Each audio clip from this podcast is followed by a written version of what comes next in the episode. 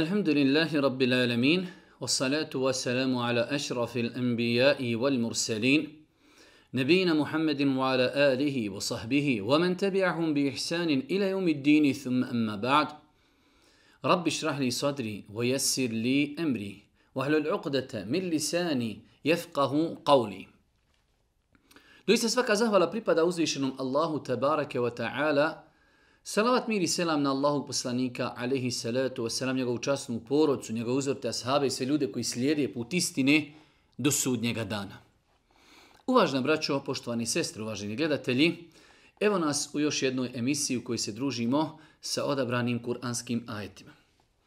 Mi smo više puta govorili da je cilj ovih naših izlaganja, predavanja, da jednostavno ljudima dostavimo kuransku poruku da na jedan lagahan i jednostavan način, način kako može to otprilike razumjeti jedan prosječan insan, da dostavimo ljudima šta od njih traži Kur'an. Šta se u Kur'anu govori, šta se u Kur'anu tretira, kako živjeti sa Kur'anom, kako kur'anske naredbe, imperative preslikati na svoj svakodnevni život.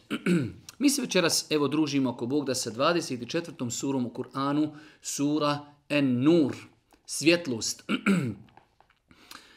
Ova sura ima 64 ajeta i ona je iz reda sura koje su objavljene u Medini. Sama činjenica dok kažemo da je sura objavljena u Medini, rekli smo da time odmah prelazimo u jednu novu fazu. Kada govorimo o Mekki i mekanskom periodu objavi, govorimo da je to period u kojem se govori o sudnjem danu, govori se o proživljenju, govori se o poslanicima, govori se o strpljenju i tako dalje. Kada je u pitanju medijinski period, već tu dolaze propisi, dolaze kazne i tako dalje. Mnogo više ajeta počinje sa ja i uheljadine amenu. Ovi koji vjerujete, ovi koji ste došli iz Mekke, učinili hijđru, već dolazi ustrojenje islama, istroj, ustrojenje državi. Ustrojenje državi dok u Mekki više puta je poziv od Allaha ja ejuhan nas, o ljudi, o ljudi, uzvišeni Allah se u Mekki, u Mekanskom periodu objavi više ljudima obraća sa riječima o ljudi, a u Medini o vi koji vjerujete propisuje vam se to, o vi koji vjerujete propisuje vam se to. Pa se večeras družimo sa jednom veličanstvenom surom, e, sura koja e, kada bi zaista željeli da je komentarišemo detaljno, ne bi, ne bi pretjerali ako bi kazali da u komentaru ove surje bi se mogao napisati sigurno jedan tom i mogla bi se možda napisati jedna magistarska ili doktorska disertacija, jedna sveobuhvatna sura. Kažu islamski učenjaci da osnovni, osnovni cilj ove sure, iako ona tretira razno razne teme, osnovni cilj jeste terbija terbijet, što naš narod kaže, terbijet, odgoj. Kazao imam El Kurtubi, maksud hadihi sura zikru ahkami el afafi wa sitr. Cilj, kaže ove sure, jeste da se spomenu propisi čednosti i moralnosti. Pa ova sura, znači, definiše e, kroz različite segmente, vidjet ćemo, e, smjernice i faktore koji treba da sačuvaju jedno društvo od nemorala nešto što nam je danas i te kako potrebno. Sura koja liječi društvo, sura koja usmjerava, zato se ona zove nur, svjetlost. Ako se ljudi, kao što kažu islamski učenjaci, budu pridržavali smjernica ove sure, oni će biti na svjetlosti. Biće daleko od dalaleta, zablude, biće daleko od mina, biće na svjetlu, biće na putu, biće na džadi, će na džadi, kojim je osvijetlio uzvišeni Allah svojim smjernicama koje su došle u suri En-Nur. Vidjet ćemo ova sura tretira jedan poznati događaj o kojem ćemo ako Bog da ukratko progovoriti, a to je događaj potvori Aisi radijallahu ta'ala anha, a, a sam, znači Kur'an daje smjernice kako i na koji način spriječiti dolazak do potvori i kako i na koji način sankcionisati osobe koje su pale u taj gri. Isto tako islam, e, odnosno ova sura, mnogo govori o opasnosti nemorala u jednom društvu, opasnosti širenja, učestvovanja i želje da se u jednom društvu proširi nemoral. Znači nešto što današnjem društvu i te kako mnogo, mnogo, mnogo je potrebno. Kažu islamski učenjaci, ova sura govori o faktorima očuvanja jednog društva. Pa ćemo vidjeti da govori o obaranju pogleda.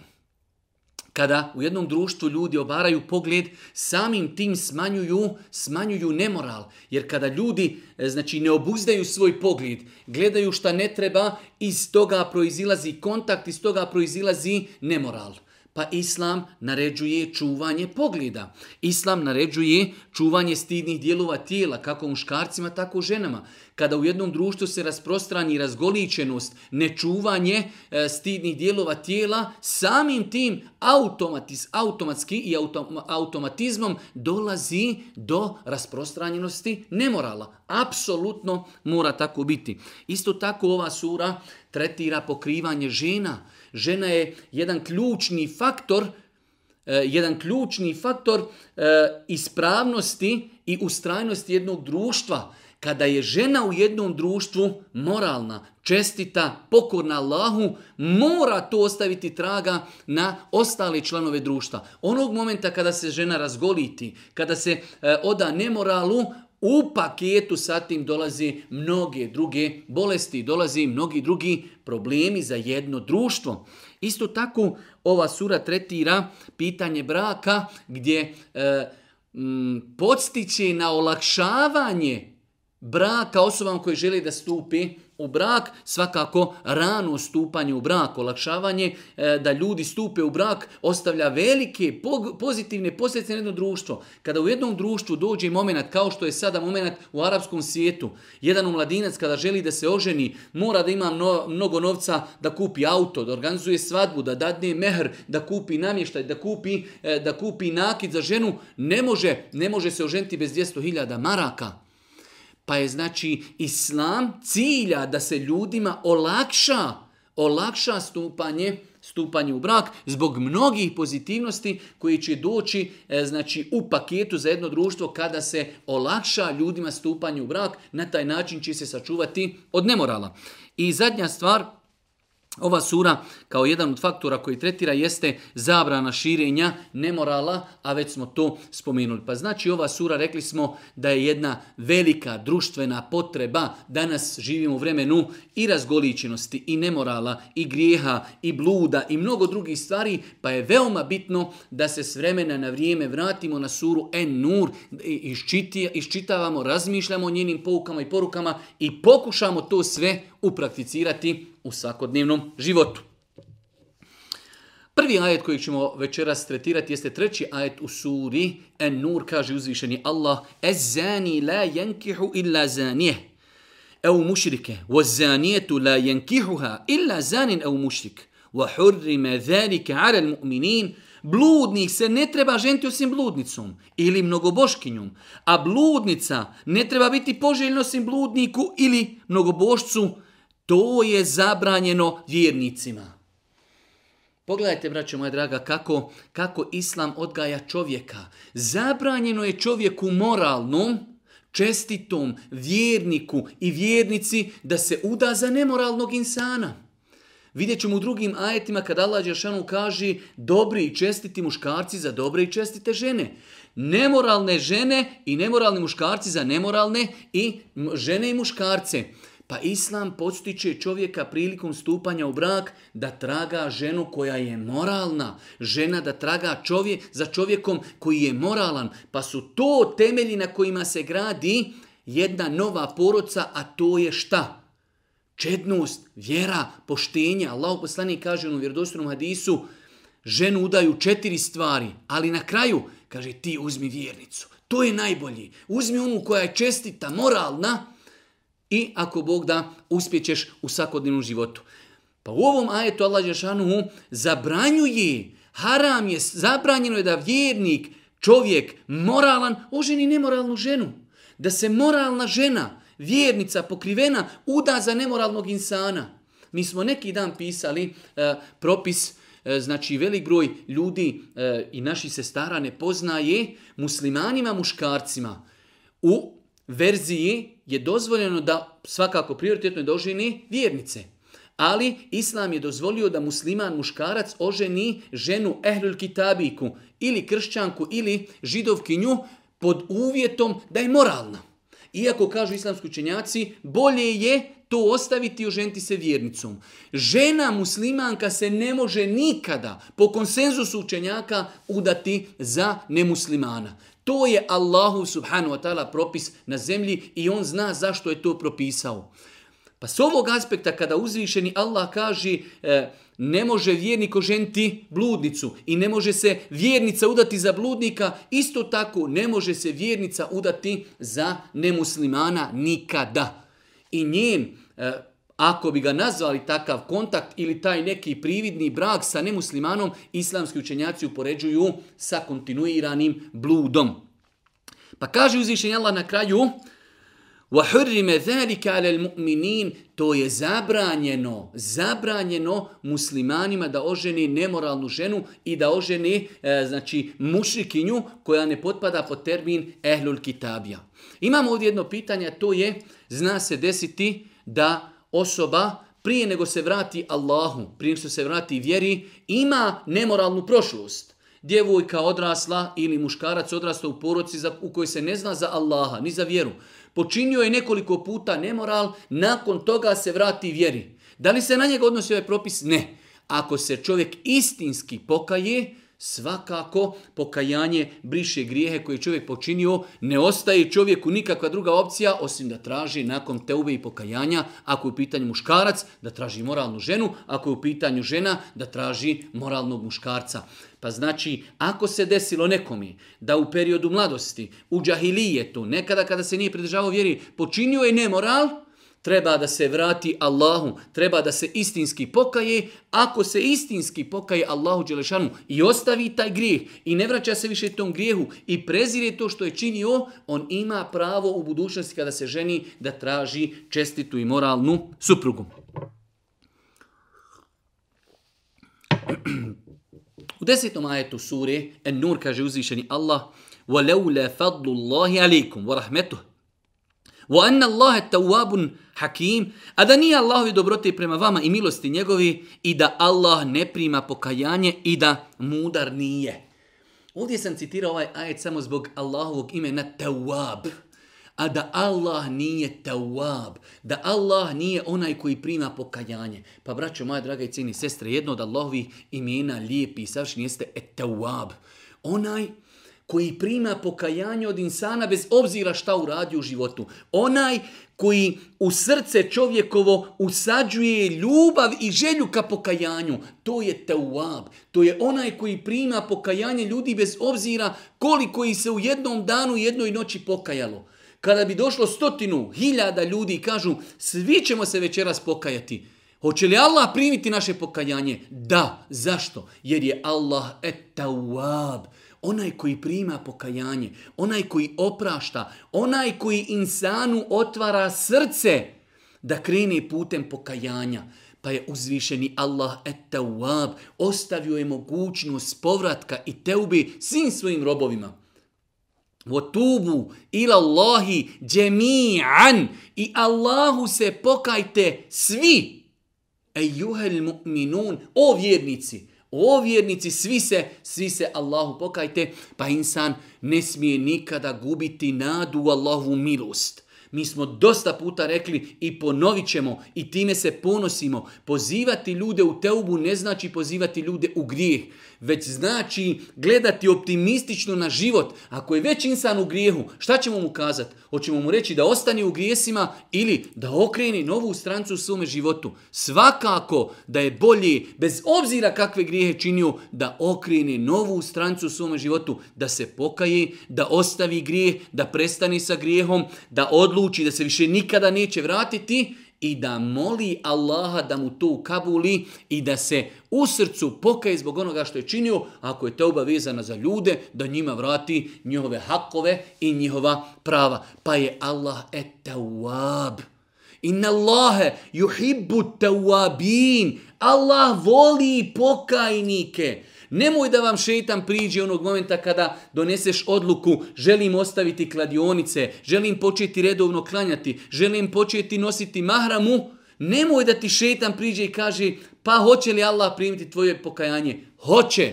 Allah je tawab, Allah voli pokajnike, Allah je subhanahu wa ta'ala milostiv. U 11. ajetu suri En-Nur, uzviš je Allah subhanahu wa ta'ala govori o ajetima koji su objavljeni povodom Aiše radi Allahu ta'ala anha. Imate u hadijskim zbirkama. Hadisi su zabilježeni koji govori o događaju koji se zove u arapskom El-Ifk. Hadithetul Ifk. Hadithetul Ifk događaj potvore na Aishu, suprugu Božijeg poslanika, alihi salatu wasalam. Ja ću kratko rezimirano vama ispričati o čemu se radi da bi ispravno shvatili ajete koji su po tom pitanju objavljeni. Znači, Islam mnogo pažnje posvećuje časti insana. Pa je mnogo opasno da insan priča o drugim ljudima, da ih ogovara, pogotovo da ustvrdi da je neko učinio nemoral, a nema zato četiri svjedoka. U islamu se nemoral, blud može dokazati samo na dva načina. Ili da dovedemo četiri svjedoka koji kažu mi smo vidjeli svojim očima kako ljudi čine nemoral. I drugo je da čovjek sam dođe i kaže ja, taj i taj priznajem sam činio nemoral. Mimo toga, Znači, opasno da čovjek, o, čovjek govori o nekome da je počinio nemoralnu radnju, sve kako bi se sačuvalo društvo, kako se ne bi ljudi poigravali, onaj je učinio nemoral, ono je bludnica, ono i tako dalje. Ne, Islam čuva čovjekovu čast. Allah poslanik Ali Selatu Selam, kada bi išao na putovanje, uvijek bi vodio neku od svojih supruga, određivao bi koja će supruga ići na putovanje sa njim, bacajući kocku.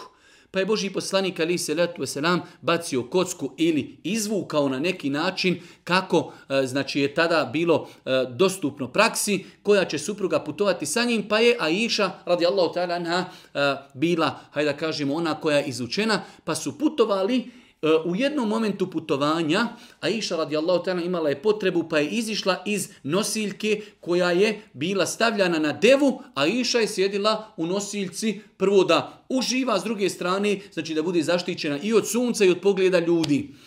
Pa je znači kada je izišla, vratila je se, kada je sjela u svoju nosiljku, vidjela je, shvatila je da je izgubila e, svoju ogrlicu, naruknicu ili nešto slično, to mi je od nakita, pa je otišla da traži, nikom je ne rekavši.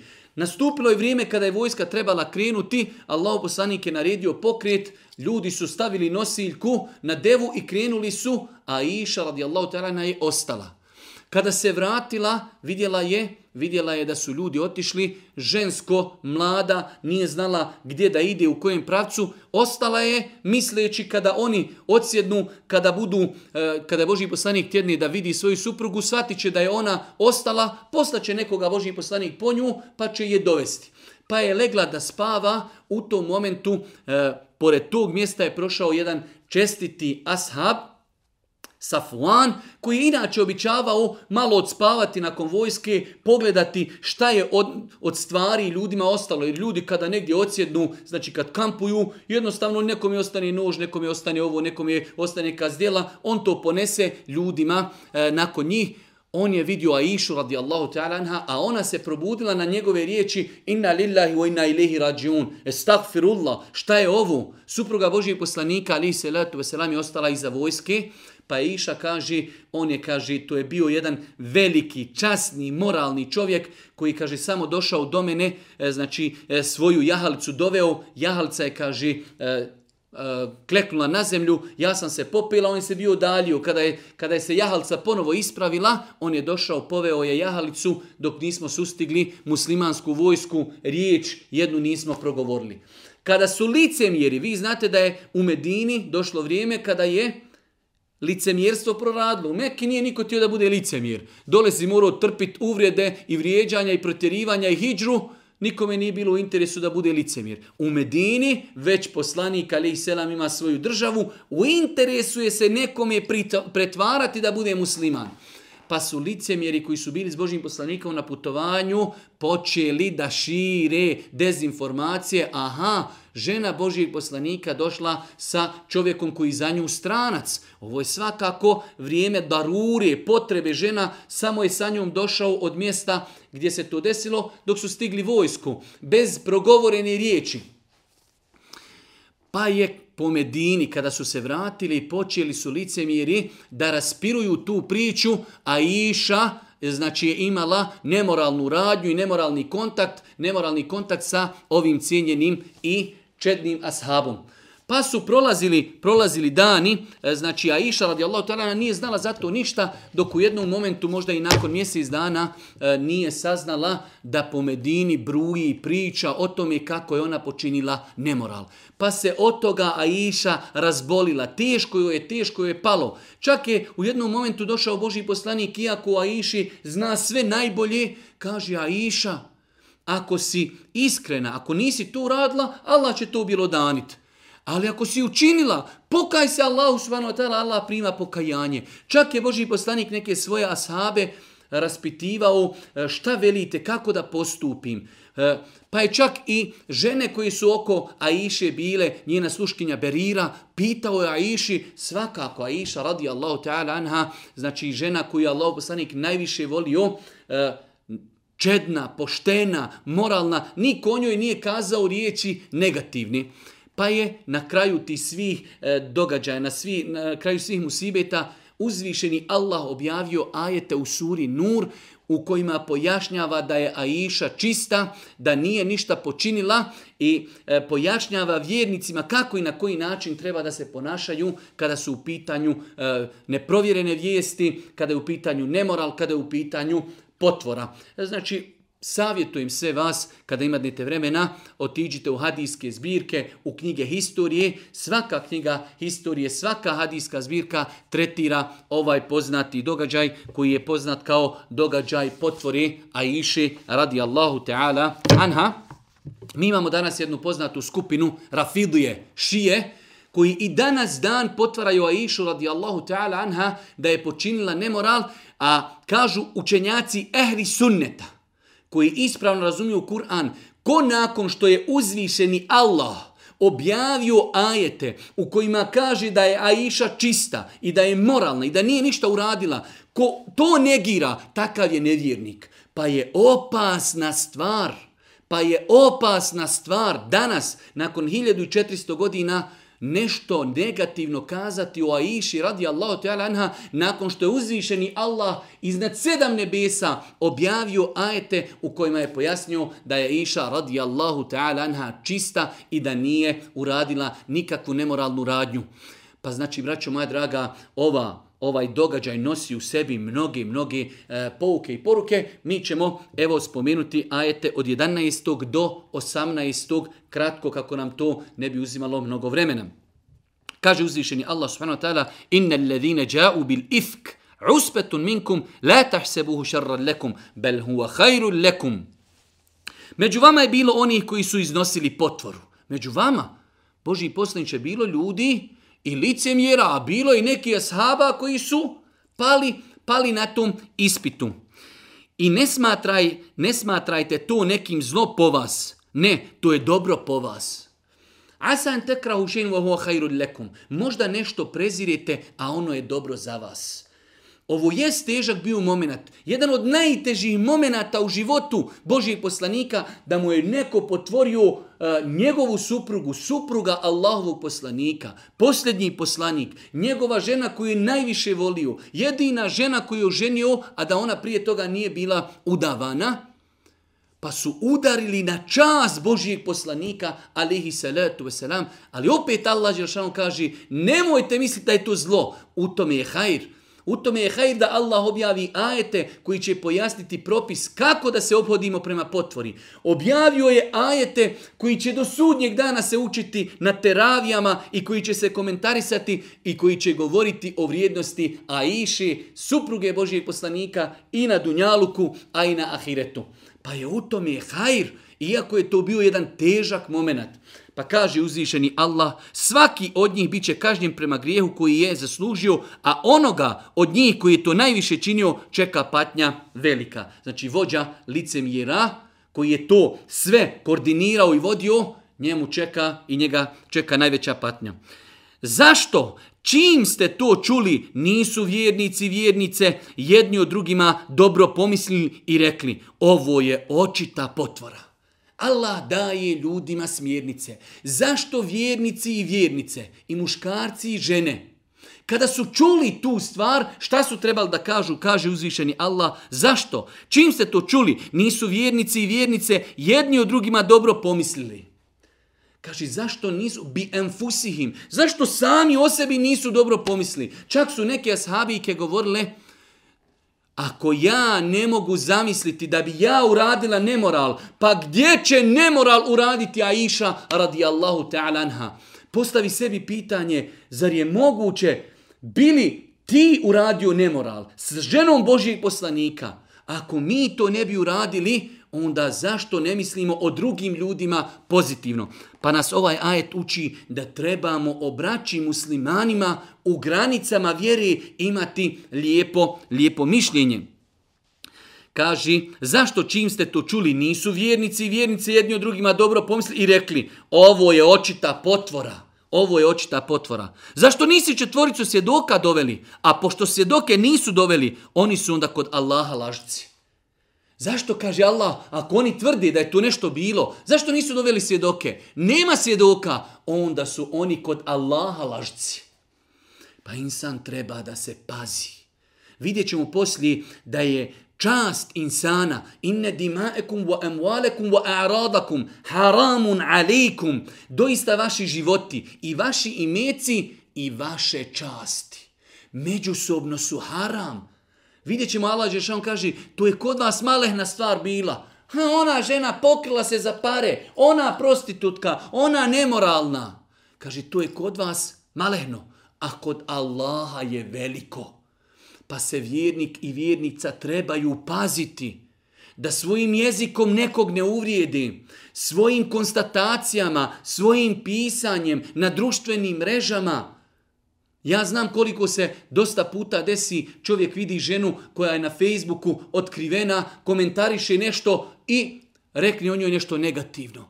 Moramo se paziti. Žena ne nosi hijab, to je haram, to je grije. Ali to nikako ne znači da je ta žena nemoralna. To nikako ne znači, ne daj Bože, da je ta žena počinila nešto, znači kada je u pitanju moralnost. Njen hijab je njena greška. Pa insan treba da pazi na svoj jezik i na svoje postupke. Kaže uzvišeni Allah, a da nije Allahove dobrote prema vama i milosti njegove i na ovom i na onom svijetu, već biste, već bi vas stigla kazna, e, teška kazna zbog onoga u što ste se upustili, kada ste to jezicima svojim prepričavati stali i kada ste na sva usta govorili onomi o čemu ništa niste znali kada ste počeli pričati ono što niste znali. Da nema Allahovog rahmeta, on bi vas već kaznio na dunjaluku. Zašto? Jer ste pričali ono o čemu znanja nemate.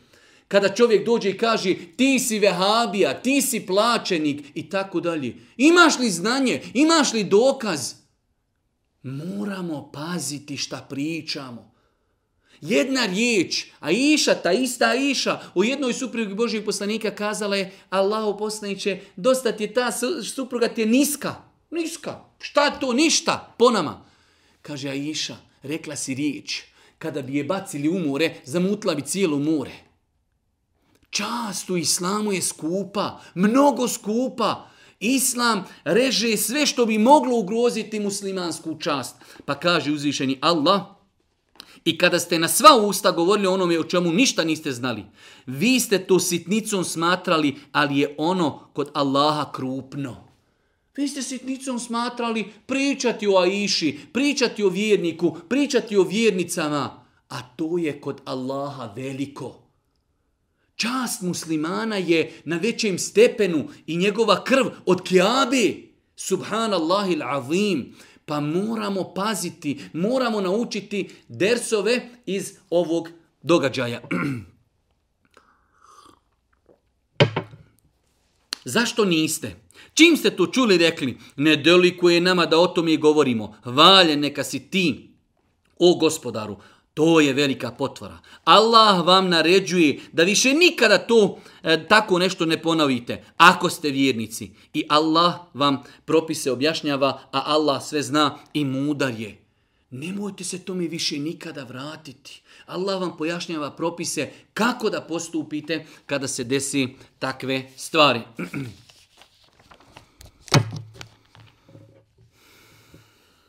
U 19. ajetu kaže uzvišeni Allah, إن الذين يحبون أن تشيع الفاحشة في الذين آمنوا لهم عذاب أليم في الدنيا والآخرة والله يعلم وأنتم لا تعلمون one koji vole da se o vjernicima i među vjernicima šire bestidne glasine i da se širi nemoral, njih čeka teška patnja i na ovom i na onom svijetu. Allah sve zna, a vi ne znate. Jedan novi ajet koji čuva islamsko društvo – čuva jedno društvo od toga da se u društvu širi nemoral. Kaže uzvišeni Allah, oni koji voli, ne samo oni ne radi još ništa, samo voli u srcu da se u, u jednom društvu šire glasine, da se širi nemoral, da se o muslimanima govori loše. Pogledajte današnje medije, pogledajte danas medijske kuće, kako i na koji način govori o vjernicima, o vjernicama, o moralnim, e, o mladincima, Allah Žešan kaže oni koji voli da se o vjernicima i među vjernicima u jednom muslimanskom društvu štir, šire glasine, da se širi nemoral, blud, homoseksualizam, prostitucija, e, potvore, laži, govor bez dokaza, oni koji to samo voli. Šta mislite? Kakva je kaza za one koji to radi? Oni koji voli da se o vjernicima šire, nemoral i besjede nemoralne, njih čeka na dunjalu kupatnja i čeka i patnja na ahiretu. Kaže uzvišeni Allah, one koji vole da se o vjernicima i među vjernicima štit, e, širi bestidan, gla, bestidne glasine i nemoral, njih čeka teška kazna i na ovom i na onom svijetu. Allah sve zna. Allah zna da li insan to voli ili ne voli. Allah zna ko je to radio, a ko je nije radio. Allah zna zašto to ko radi, a zašto to ko ne radi.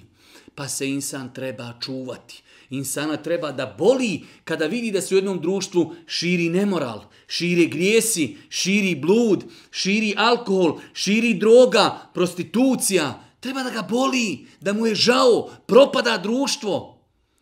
Pogledajte, samo ako čovjek to voli, Kazna na dunjalku i kazna, kazna na ahiretu.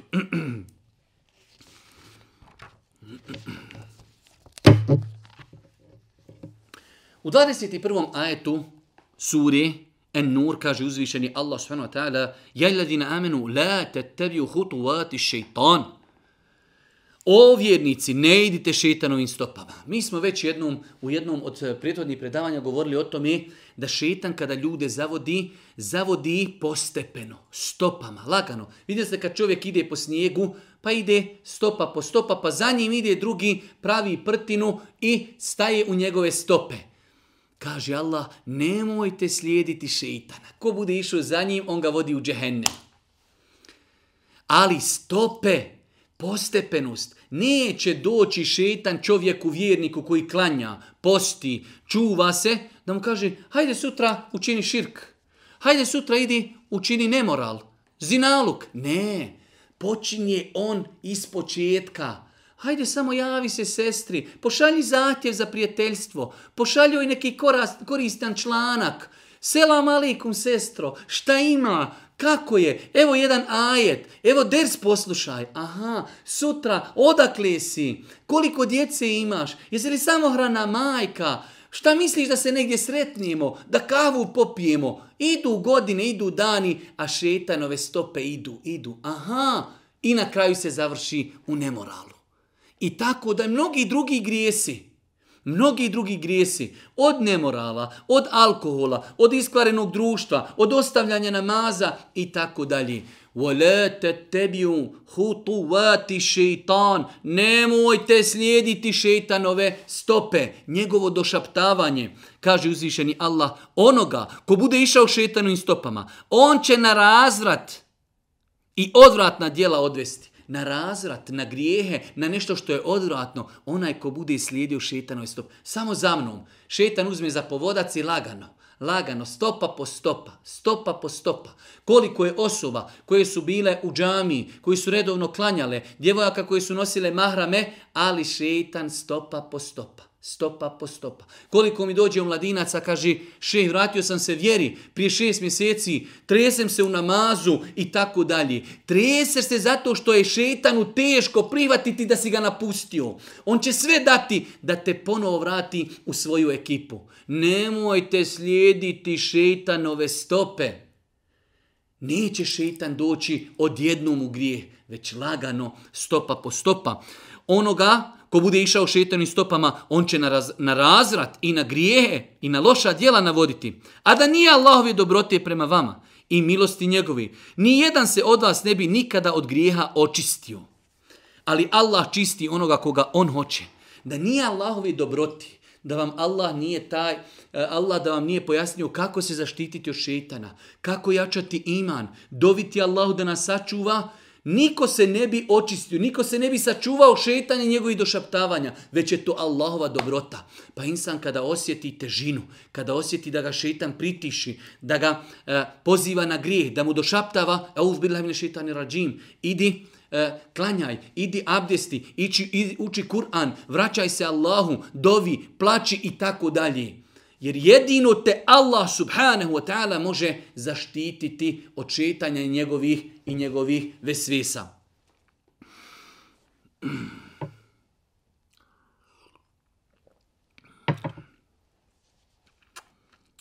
Nakon toga, opet uzvišnji Allah subhanahu wa ta'ala govori o opasnosti iznošenja potvora na žene vjernice, na moralne osobe, iako kažu mu Fesiri Kur'ana, po konsenzusu Kur a, islamskog učenjaka, ovaj ajet je izrečen u ženskom rodu, ali se odnosi i na muškarce. Kao što je zabranjeno potvoriti žensko, isto tako je zabranjeno potvoriti muškarca koji je čedan. Pa kaže uzvišeni Allah, inna levine jarmune al muhsanat, al gafilat, al mu'minat, lu'inu fi dunija, wal ahira, wa lahum azabun azim. Oni koji potvaraju čestite, bezazlene vjernice, neka budu prokljeti na ovom i na onom svijetu. Njih čeka patnja nesnosna na dan kada protiv njih budu svjedočili jezici i ruke i noge njihove za ono što su radili. Allahu ekber.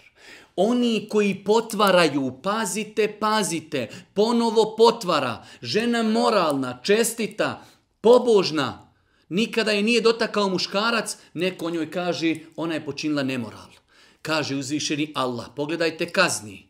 Oni koji potvaraju čestite bezazlene. Kažu islamski činjaci ovdje gafilat bezazlene.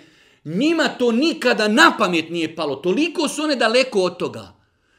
Imate žena koji su toliko čestite i moralne da ju nikad na pamet nije palo da uradi nemoralnu radnju. Oni koji potvaraju čestite i bezazlene vjernice, koje to nikad učinile nisu, kakva je za njih kazna, neka budu prokliti i na ovom i na onom svijetu. Njih čeka patnja nesnosna na dan kada protiv njih budu svjedočili jezici, ruke i noge za ono što su radili. Jezik svjedoči, ruke svjedoči, noge svjedoči šta je insan radio. Pa su ovo ajeti koji odgajaju jedno društvo. Moramo čuvati čast žene muslimanke moramo čuz, čuvati čas brata muslimana. Ne smijemo prenositi, ne smijemo govoriti ono što nismo dokazali, ono što nismo vidjeli. Na njih neka je prokljedstvo, na Dunjalku i na Ahiretu. Protiv njih će svjedočiti jezici i ruke i noge. Šta su to radili i šta su, šta su govorili? Toga dana Allah će ih kazniti kaznom koju su zaslužili i oni će saznati da je Allah zaista prava istina. Ne valjale žene su za ne valjale muškarce, a ne valjali muškarcu za ne valjale žene. Čestite žene su za čestite muškarce, a čestiti muškarcu za čestite žene. Oni nisu krivi za ono što o njima govori, njih čeka oprost i veliki rizik i veliko o e, veliki rizik i obilna nafaka.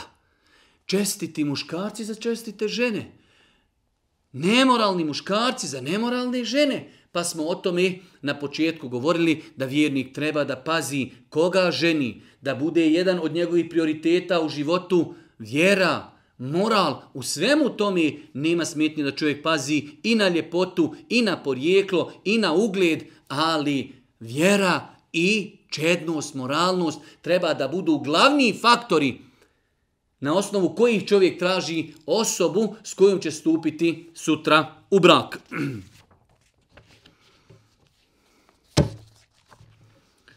Nakon toga uzviše Allah s.a. u 31. i 32. ajetu, to su oni poznati ajeti Surije Nur koji se neprestano citiraju kada se govori o obaveznosti čuvanja pogleda i naređenju da žene nose E, nose islamsku odjeću hijab. Kaže uzvišeni Allah, قل للمؤمنين يغضوا من أبصارهم ويحفظوا فروجهم ذلك يزكى لهم إن الله خبير بما يصنعون وقل للمؤمنات يغضضن من أبصارهن ويحفظن فروجهن ولا يبدين زينتهن إلا ما ظهر منها وليضعن وليضربن بخمرهن بخمرهن على جيوبهن ولا يبدين زينتهن إلا لبعولتهن do kraja ovog ajeta.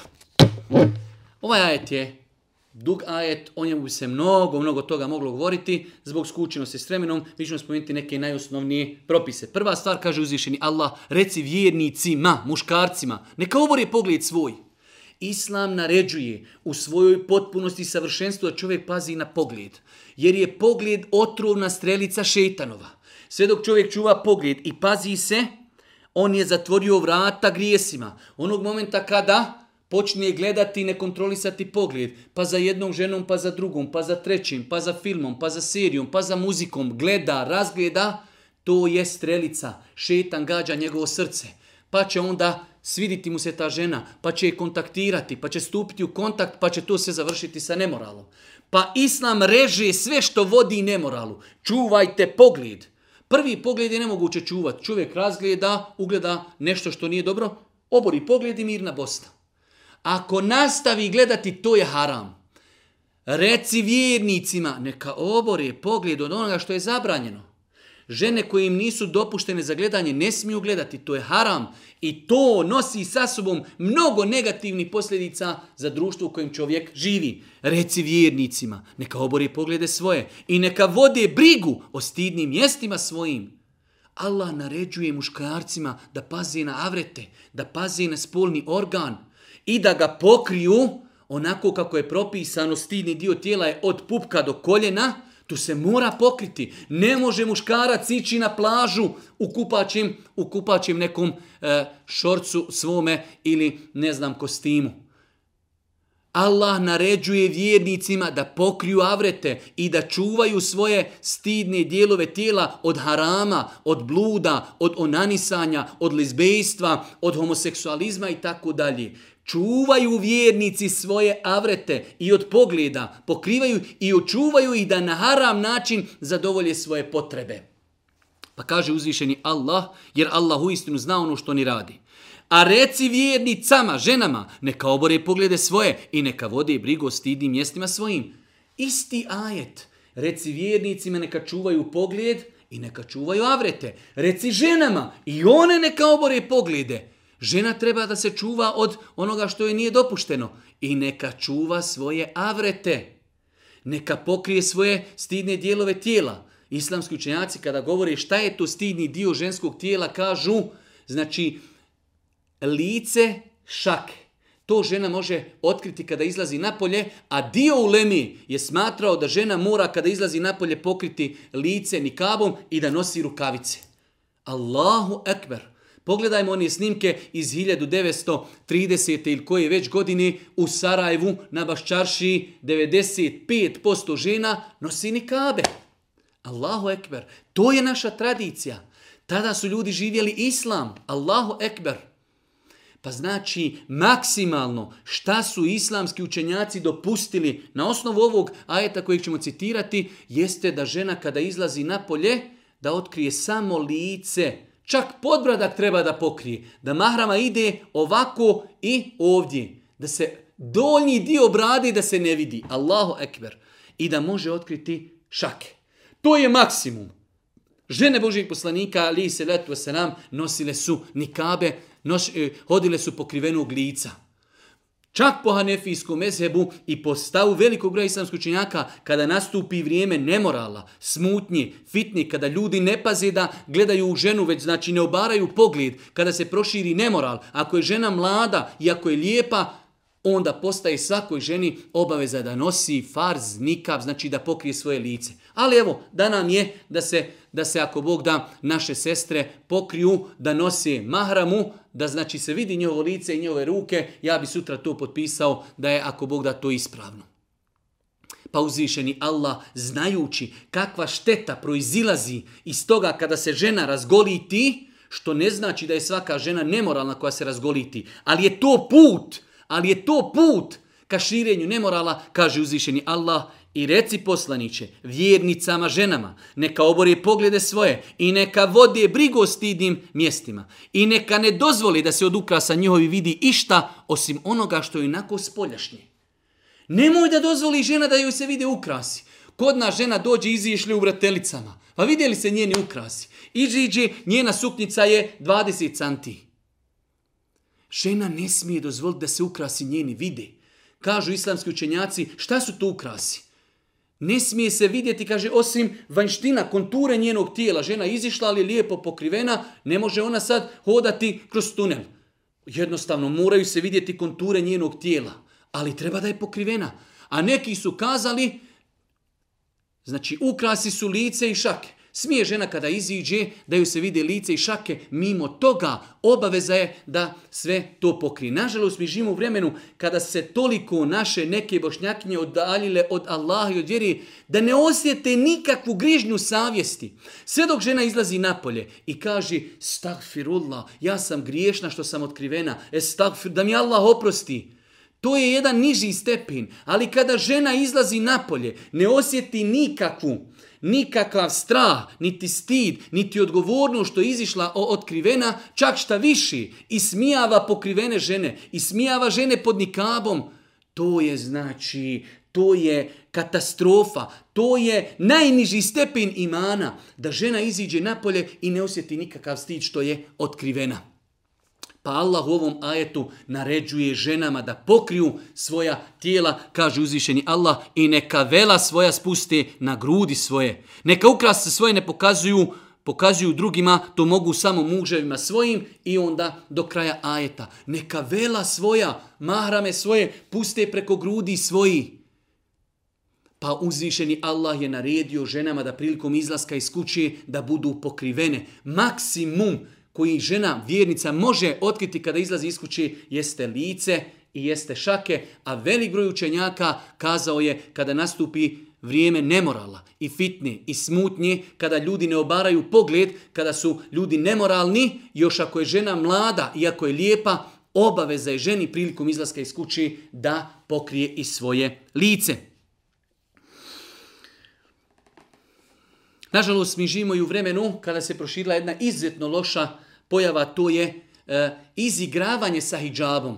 Pa ćemo vidjeti žene nosi turbane, žene nose znači samo mahramu na glavi, a mimo toga dole su hlače, helanke i svašta nešto. Islamski hijab ima svoje uvjete, osam uvjeta koji su spomenuli učenjaci, Treba da odjeća bude široka, da ne oslikava tijelo, da nije uska, da nije od tankije tkanine, pa kada žena hodi da oslikava opet njeno tijelo, i da ne privlači pogled, da ne oponaša muškarce i tako dalje. Pa se mnoge sestre, nažalost, izigravaju sa propisima hijjaba, neispravno noseći hijjab. Allaha molimo da olakša našim sestrama donošenje odluke da se pokriju onako kako od njih traži njihov gospodar, a korist hijjaba se vraća ženi i vraća se društvu u kojem živi ta žena apsolutno. Allah Žešanu nima potrebe za nečim hijjabom već ima sama ta žena, bit će poštovana u društvu, a s druge strane na taj način se smanjuje nemoral u jednom društvu.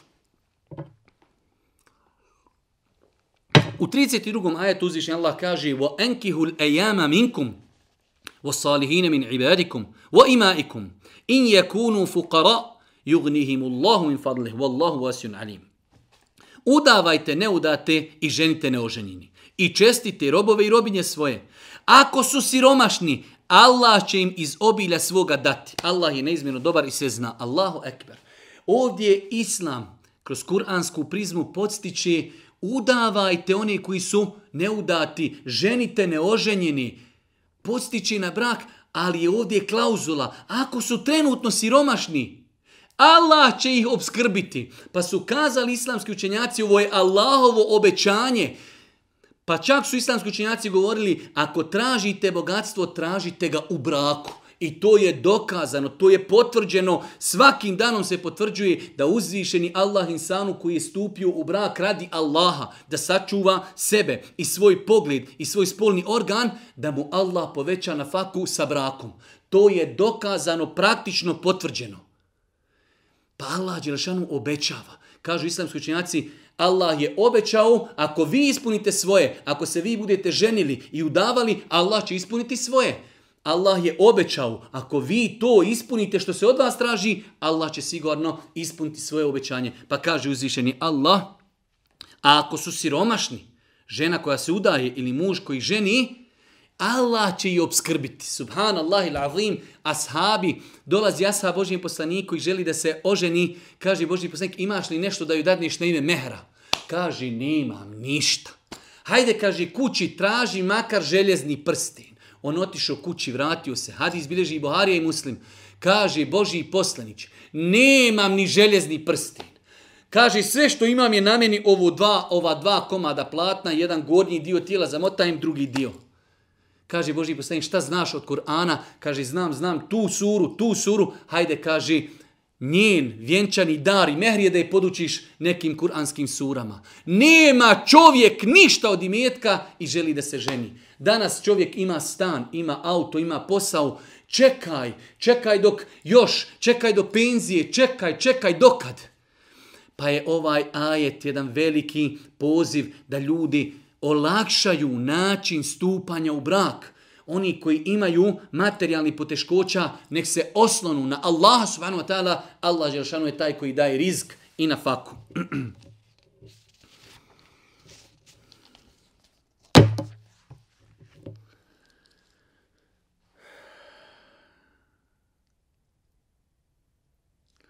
Kaže uzvišnji Allah subhanahu wa ta'ala u 36. do 38. ajeta u suri En-Nur, u džamijama, u kojima se Allahovom voljom podižu i kojima se spominje Allahovo ime, Allaha hvali i jutrom i naveći. Ljudi koje kupovina i prodaja ne ometa da se Allah spominje i molitvu obavljaju i milostinju daju i koji strijepe od dana u kojem će srca i pogledi biti uznemireni. Allahu ekber. Allah opisuje mu'mine pa kaže to su oni koje ne sputava i ne sprečava kupoprodaja i prodaja i kupovina od spominjanja Allaha. Njih dunjaluk i trka za dunjalukom nije spriječila da namaz obavljaju, da zekija daju, da budu pokorni Allahu.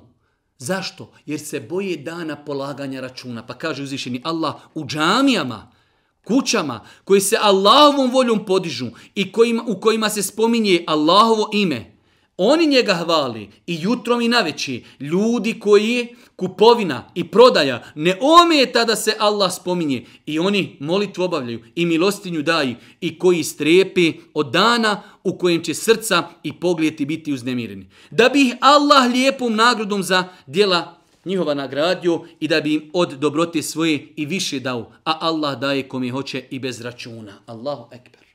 Pa je znači opis i svojstvo mu'mina uh, da ih trka za dunjalukom i kupoprodaja i kupovina i prodaja ne ometaju, ne sprečavaju da spominju Allaha, da zikri, da klanjaju namaz, da daju zekijat. Pa je ovo jedna životna formula, vjernik ide za dunjalukom, ide za nafakom, ali ne zaboravlja na Allaha, ne zaboravlja na namaz, na zekijat i tako dalje.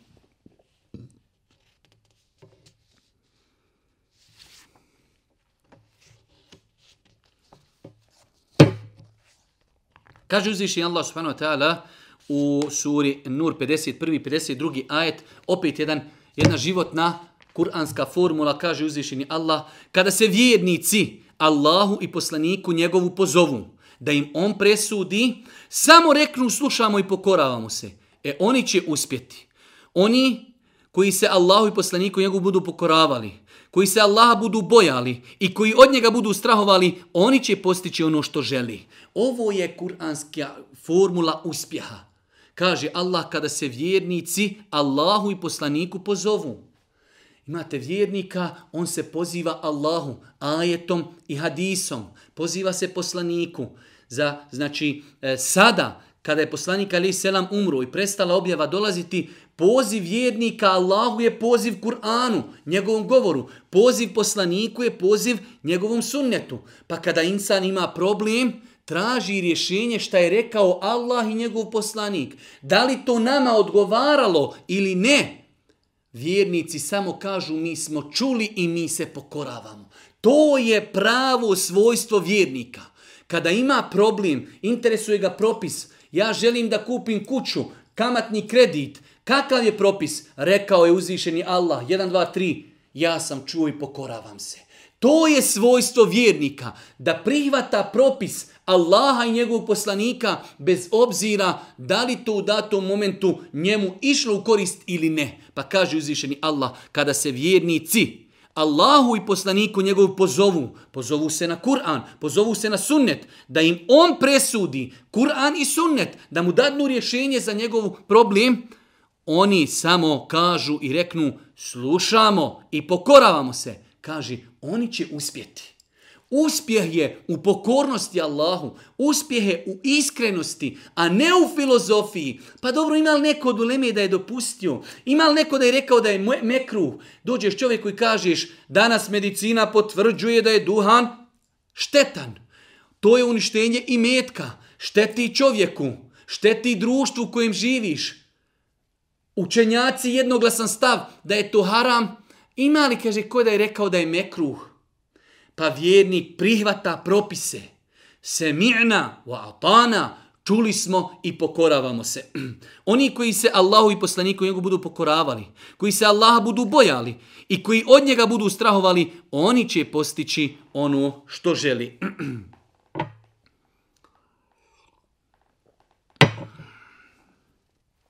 Nakon toga u 60. ajetu, odgovor na jedno pitanje, ne, nekada se i nama dajama postavi to pitanje, to je da li starije žene mogu da izlazi iz kuće otkrivene?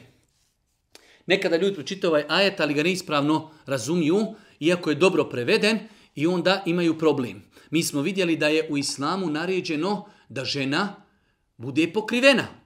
Da, može po nekom ulemi, u nekim učenjacima da otkrije lice i šake ali je ljepše i bolje da pokrije lice. Pa kaže uzvišeni Allah, والقواعد من النساء اللاتي لا يرجون نكاحا فليس عليهن جناح أن يضعن ثيابهن غير متبرجات بزينة A starim ženama koje više ne žute za udajom, nije grijeh ako odloži ogrtače. Ogrtač, žena vjernica kada ide napolje, primjer radi, ima suknju, ima košulju, stavlja mahramu i preko toga obuče ogrtač, džilbab, mantil. Pa kaže uzvišeni Allah kada žene ostare toliko da više nemaju potrebe za brakom. Ostarila žena više, nema mjesečnice, nema hajza, niko joj ne nudi brak. Kaže, takve žene kada izlaze mogu da iziđu bez ogrtača. Znači izlazi naša neka majka, starija, nana u suknji, u širokoj košulji, nekoj tuniki i pokrivenije glavi. Nikako da iziđe od krivene kosi. Avret, kosa je znači avret po konsenzusu islamskih učenjaka. Pa kaže uzvišeni Allah, a starim ženama koje više ne žude za udajom, nemaju potrebe nikakve za udajom, nije grije da odloži ogrtače svoje. Ali ne pokazujući ona mjesta na kojima se ukrasi nosi.